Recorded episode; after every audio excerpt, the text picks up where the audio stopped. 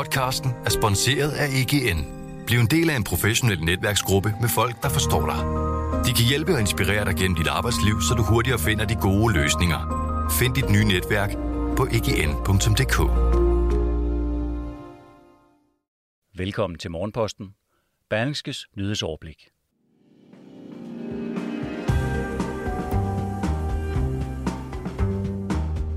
Jeg stoler ikke på Danmarks statsminister, lød det fra Venstres formand Jakob Ellemann Jensen, efter statsminister Mette Frederiksens næsten to timer lange pressemøde onsdag aften. Sagen om de automatisk slettede sms'er vil også smitte af på kommunalvalget, hvor det vil koste stemmer for Socialdemokratiet, forudser flere eksperter. Og så tager landets største virksomhed, AP Møller Mærsk, nu et drastisk skridt for at udbrede vacciner mod corona blandt de ansatte. Således overskrifterne på torsdagens udgave af Morgenposten. Det er den 4. november. Jeg hedder Mette Melgaard. Statsminister Mette Frederiksen, der onsdag aften kl. 20 holdt et knap to timer langt pressemøde, står klart stærkere nu end før. Det mener Berlingskes politiske kommentator Bent Winter. På pressemødet forklarede Mette Frederiksen, at det var departementschef Barbara Bertelsen, der af hensyn til informationssikkerheden havde rådgivet Mette Frederiksen til at få opsat telefonen til automatisk sletning af sms'er efter 30 dage. Statsministeren forklarede desuden, at selve rådgivningen fandt sted senest i sommeren 2020. Altså inden sagen om aflivningen af alle mink begyndte at rulle i november 2020. Og dermed er sagen langt mindre eksplosiv, vurderer Bent Winter. Omvendt er der stadig løse ender, mener han. For eksempel kunne statsministeren ikke redegøre for præcist, hvornår opsætningen af hendes telefon var blevet ændret til automatisk at slette sms'er efter 30 dage, men hun var blevet rådet til det i sommeren 2020. Og så kunne statsministeren heller ikke konkret begrunde, hvad der førte til, at man valgte at ændre opsætningen. Mette Frederiksen afviste desuden, at sms'erne, som hun i øvrigt håber vil blive genskabt med politiets hjælp, vil vise noget nyt om hendes viden om den manglende lovhjemmel til at aflive alle mink. Og reaktionerne fra Blå Blok er hårde. Jeg stoler ikke på Danmarks statsminister, lød det fra Venstres formand Jakob Ellemann Jensen på TV2 News kort efter pressemødet. Og på Twitter kalder han statsministerens svar uklare og vævende. Mens smitten er der er begyndt at stige over hele kloden, tager Danmarks største virksomhed et nyt våben i brug i kampen mod coronapandemien. AP Møller Mærsk vil kræve at de ansatte i både Danmark og en række andre lande, at de skal være vaccineret, hvis de skal have lov at møde fysisk op på kontoret, det skriver Berlingske. Vi vil inden for de næste tre måneder rulle et krav ud om vaccinationen. Det betyder, at hvis du skal være på kontoret, skal du være vaccineret, siger Søren Skov, topchef i Mærsk, til Berlingske. Og det er opsigtsvækkende, da Mærsk er den første større virksomhed i Danmark, der direkte vil forbyde ansatte at møde op på kontoret, hvis de ikke er vaccineret. Flygtningestrømme tæt på Danmark vokser med høj fart. Således har Tyskland i oktober oplevet mere end en fordobling af asylansøgere, der er ankommet via Belarus og Polen. Ifølge de polske myndigheder er det blevet sværere at kontrollere grænserne, fordi menneskesmuglere er i fuld gang med et nyt indbringende marked.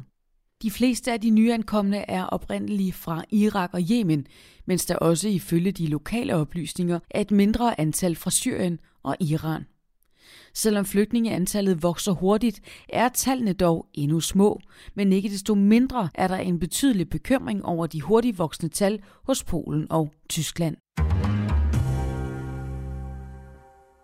Og vi skal tilbage til den øh, kontroversielle sag for den socialdemokratiske regering om de slettede sms'er i forbindelse med Mink-kommissionen.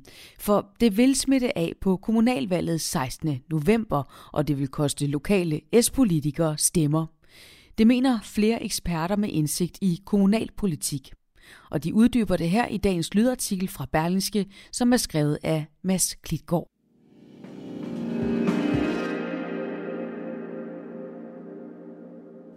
Jeg, jeg, der var ikke nogen, der havde forestillet sig, at sms'er bredt vil skulle udleveres. Og det er jo også derfor, der ikke er nogen regeringer, hverken den her eller den tidligere, der har lavet generelle retningslinjer for opbevaring af sms'er.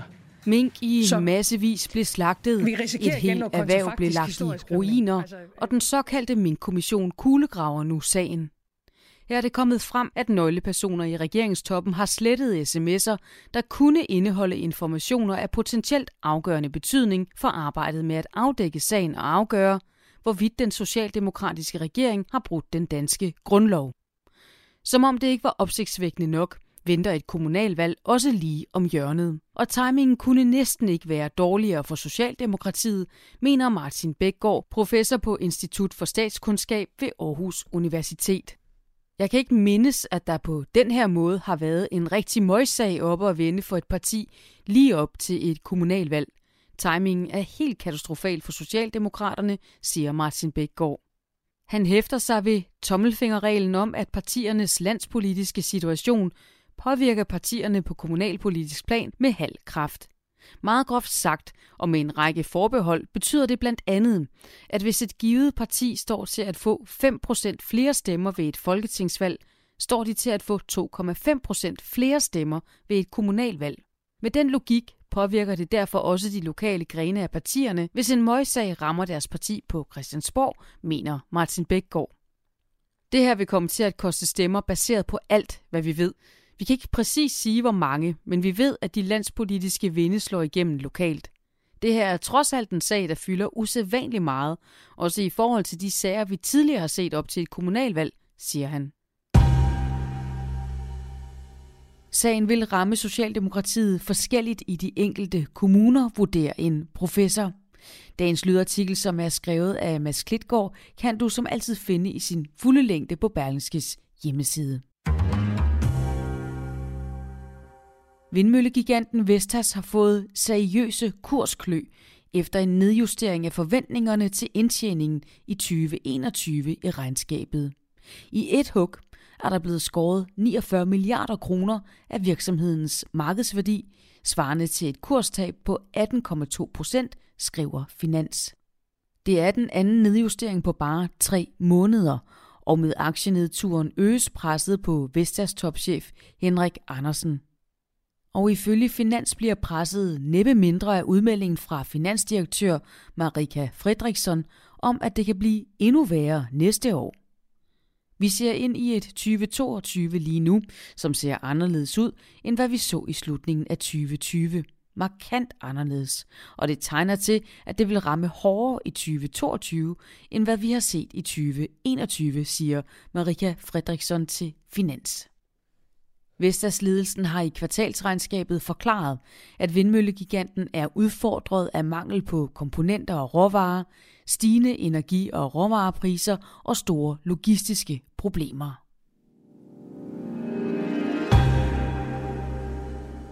Med en ny betalingsløsning vil fintech-virksomheden November First og selskabet Visma Economic bryde det monopol, som danske banker i dag har på de leverandørbetalinger, der foretages mellem små og mellemstore virksomheder. Det skriver børsen. Den nye betalingsløsning hedder SmartPay og er skabt til regnskabsprogrammet Economics brugere, så de kan foretage og bogføre betalinger uden at skulle logge ind i deres netbank. Og det kan ifølge Lars Ingborg, der er administrerende direktør i Visma Economic, sparer de små og mellemstore danske virksomheder for op mod 1,3 milliarder kroner om året. Københavns Byret ventes i dag at afsige kendelse om skyld i en straffesag mod to mænd, der er tiltalt for at ville begå et terrorangreb. Den ene købte to pistoler af en person, der viste sig at være politiets agent. Er den ene eller begge tiltalte skyldige, ventes retten den 17. november at have et retsmøde med procedurer om straffen, og retten har sat tid af til at afsige en dom den 24. november. Afhøringerne i Mink-kommissionen fortsætter. I dag afhøres en kontorchef og en afdelingschef fra Justitsministeriet og to embedsmænd fra Finansministeriet. Denne torsdag er også dagen, hvor Radio- og TV-nævnet på et møde skal tage stilling til, om Radio Loud fra 3. januar kan skifte navn til 24-7. En halvrund fødselsdag finder vi også blandt dagens begivenheder.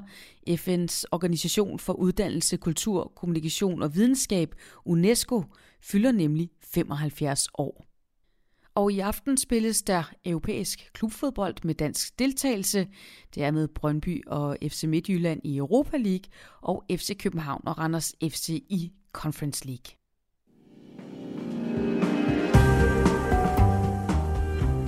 Det var alt fra Morgenposten, der er på banen igen i morgen tidlig, og her er det Morten Olsen, der står for dagens tidlige nyhedsoverblik. I eftermiddag er der også en ny podcast fra Pilestræde. Jeg vil ønske dig en rigtig god torsdag.